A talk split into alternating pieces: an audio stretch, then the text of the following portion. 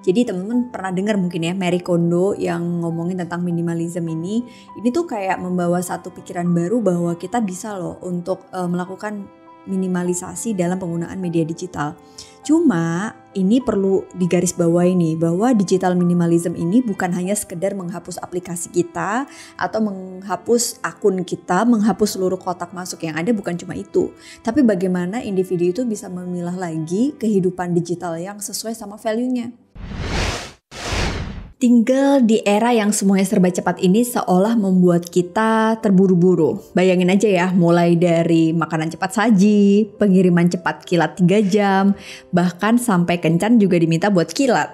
Jadi sebenarnya gaya hidup ini tuh menyampaikan suatu pesan bahwa seolah lebih cepat lebih baik dan ketika kamu terlambat, kamu adalah orang yang tidak lebih baik dari yang lain. Nah teman-teman, menurut Kowalski di tahun 2019, Rasanya itu fenomena ini membuat banyak kecemasan dan ketakutan seolah kita itu kekurangan waktu dalam satu hari 24 jam. Padahal coba tanya lagi deh ke diri kita. Sebenarnya apa sih yang membuat kita itu atau apa sih kita kejar sehingga kita terburu-buru dalam setiap waktu? Assalamualaikum teman-teman analisa channel. Di episode yang lalu aku sempat ngebahas tentang fenomena fear of missing out di episode kopi panas. Setuju nggak sih kadang-kadang kita itu terbawa emosi pengen ikut-ikutan sesuatu karena kita takut nggak diterima atau ketinggalan. Ngomongin soal FOMO atau fear of missing out seperti yang aku sempat jelasin di episode sebelumnya, kali ini aku juga bakalan kasih korelasi dengan satu fenomena lain di mana FOMO ini sering banget mengarahkan kepada hustle culture atau budaya untuk terburu-buru. Jadi fear of missing out ini apa sih sebenarnya? Nah ini teman-teman, ini kaitannya dengan penggunaan media sosial sekarang atau internet of things yang sekarang memang eranya gitu ya.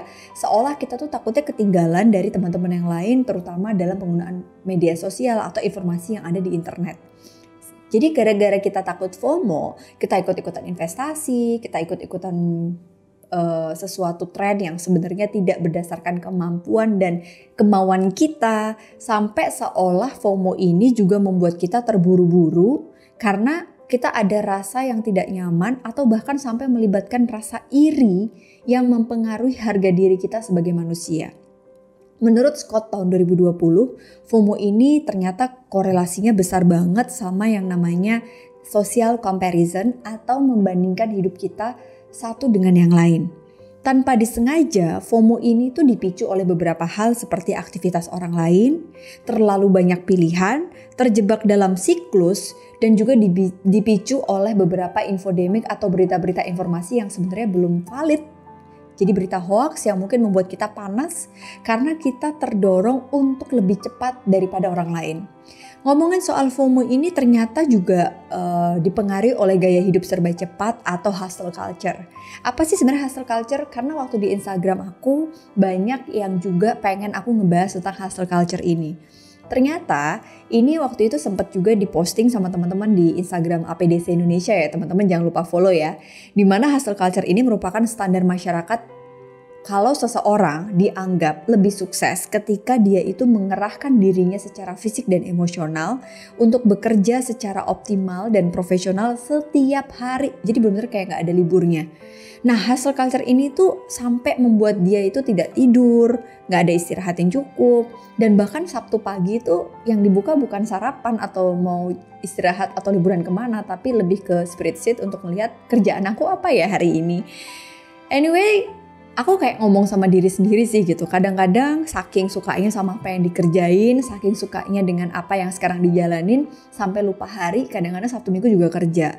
Nah waktu riset uh, bareng teman-teman APDC tentang konten ini, ini tuh kayak such a good reminder for us, di mana tanpa sadar kita itu hidup di era yang semuanya serba cepat, sampai membuat kita itu takut ketinggalan mulai dari ketinggalan apa yang kita punya, ketinggalan apa yang kita achieve, ketinggalan apa yang kita tahu. Dan ini sebenarnya sebuah pola dari masyarakat modern yang seakan-akan membuat kita tuh harus memenuhi tuntutan kita setiap hari kudu up to date. Kira-kira bener gak sih kalau kita punya competitiveness atau bersaing dengan semua orang untuk bekerja lebih keras, lebih cepat, lebih banyak karena kita pikir ini adalah satu motivasi yang baik. Satu sisi ini boleh kamu lakukan, tapi kalau sampai akhirnya menimbulkan stres atau burnout, sampai tiba-tiba teman-teman ngerasa kayak kurang tidur, efek itu luar biasa loh, karena tidur yang deep atau tidur yang nyenyak itu dibutuhkan oleh tubuh kita, gak cuma mempengaruhi kesehatan fisik dan juga imun tubuh, tapi juga kesehatan mental kita. Karena dengan tidur yang kurang, teman-teman tahu nggak bahwa di pada saat siklus rapid eye movement atau tidur yang nyenyak, siklus REM dalam tidur ini penting untuk memunculkan hormon positif yang membuat kita itu rileks, yang membuat kita itu bisa tetap produktif dan bikin kita juga lebih happy dalam menjalankan hidup. Makanya coba lihat kalau kamu sering begadang, kurang tidur, atau sering banget kehilangan momen untuk istirahat, pasti emosinya jadi nggak karuan deh. Oke, okay, so apa sih yang sebenarnya bisa kita lihat nih? Bahwa ada penelitian yang sebelumnya pernah dilakukan, lebih lama waktu menghabiskan diri di media sosial. Ini juga menjadi salah satu pemicu seperti adanya emosi negatif, depresi atau kecemasan. Medsos ini tuh bukan cuma uh, Instagram, TikTok, itu bukan hanya itu ya, tapi mulai dari WhatsApp, di mana sekarang media sosial WhatsApp ini juga digunakan untuk pekerjaan, which is kita jadi kayak nggak ada personal space antara pekerjaan sama personal life. Aku juga nggak ngerti ini satu uh, pola yang sebenarnya baik untuk meningkatkan komunikasi atau sebenarnya menantang untuk internal organisasi sendiri. Jadi kalau sekarang kita lihat sebenarnya ketika kita pengen slow movement itu boleh nggak sih? Oke, okay, pada saat kita menekankan diri kita untuk lebih slowly, bahwa sebenarnya kita pengen punya kualitas hidup yang lebih baik dengan tujuan circle of uh, happiness untuk orang lain itu lebih bagus, maka go on. Tapi kalau sampai teman-teman slow movement ini dijadikan sebagai sebuah alasan yang menjurus kepada self-centeredness atau egois, jatuhnya merugikan orang lain, jatuhnya bikin temennya yang lain justru kerjanya lebih banyak, gara-gara kita pengen slow movement, ini bisa diartikan sebagai sebuah hal yang positif dan juga negatif. Nah, slow movement ini sering juga dikaitkan dengan JOMO atau Joy of Missing Out. JOMO ini mungkin apa ya kebalikannya dari FOMO. Uh, salah satu perilaku yang sering muncul adalah minimalism dalam penggunaan media digital. Ini tuh kayak membawa satu pikiran baru bahwa kita bisa loh untuk uh, melakukan minimalisasi dalam penggunaan media digital.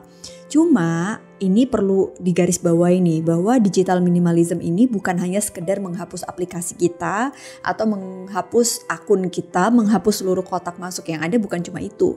Tapi bagaimana individu itu bisa memilah lagi kehidupan digital yang sesuai sama value-nya.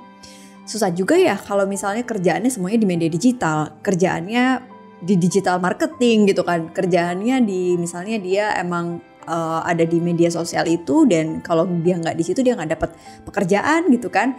Tapi sebenarnya lebih kepada bagaimana pemilahan lifestyle terkait sama digital minimalism ini.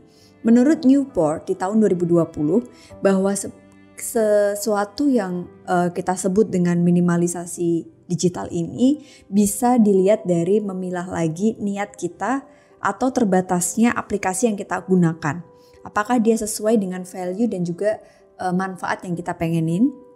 Jangan sampai kita menggunakannya untuk demi diterima. Kalau memang value-nya, misalnya kayak kerjanya kita emang di sana, value kita di sana, so go on. Tapi kalau ternyata kita bukan tipe kalau orang itu, and then supaya kita diterima di lingkungan tersebut dan membuat kita terpaksa menggunakan media itu, lalu membuat kita burn out, ini yang bahaya. Yang kedua, bagaimana kita bisa mengoptimalkan alat yang kita gunakan. Seperti misalnya teknologi itu kan untuk mencapai produktivitas kita ya. Jangan sampai gara-gara kita menggunakan media uh, teknologi ini pekerjaan kita nggak selesai. Karena kita kecanduan buka satu uh, aplikasi tertentu yang itu nggak relate sama kerjaan kita. Yang ketiga adalah bentuk dari digitalisasi uh, minimalism ini bagaimana kita menerima kenyataan bahwa ya kita tuh nggak harus tahu semuanya gitu uh, nggak uh, harus selalu up to date dan ini tuh sebenarnya kayak menurut Psychology Today penggunaan media sosial untuk Jomo ini bisa dikatakan secara emosional bisa membuat seseorang lebih puas dalam hidupnya dan menekankan pada kehadiran yang utuh pada setiap relasi yang dia punya. Jadi teman-teman, uh, ketika kamu pengen melakukan minimalisasi digital, kamu harus lihat lagi jangan sampai ini dilakukan juga karena kamu pengen diterima di lingkungan yang minimalis misalnya.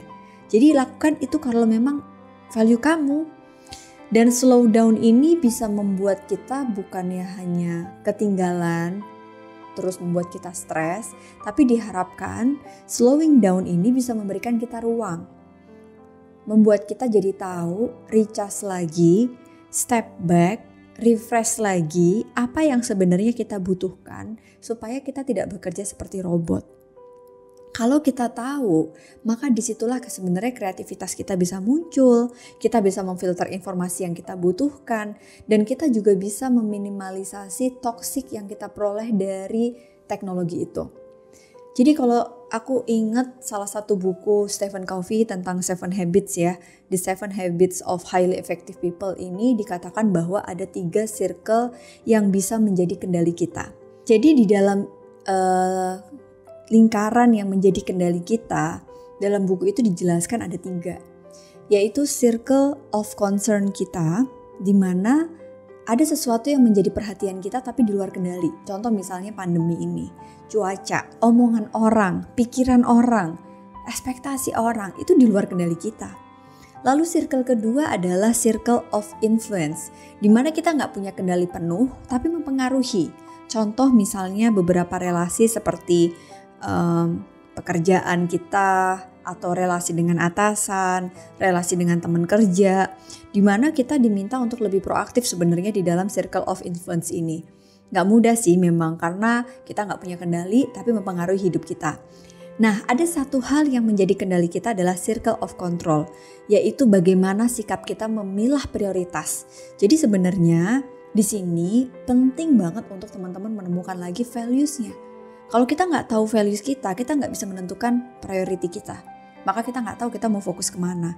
Jadi informasi yang kita terima bisa semuanya mempengaruhi hidup kita dan seolah kita merasa tersisa sama informasi-informasi yang tidak sesuai dengan harapan kita.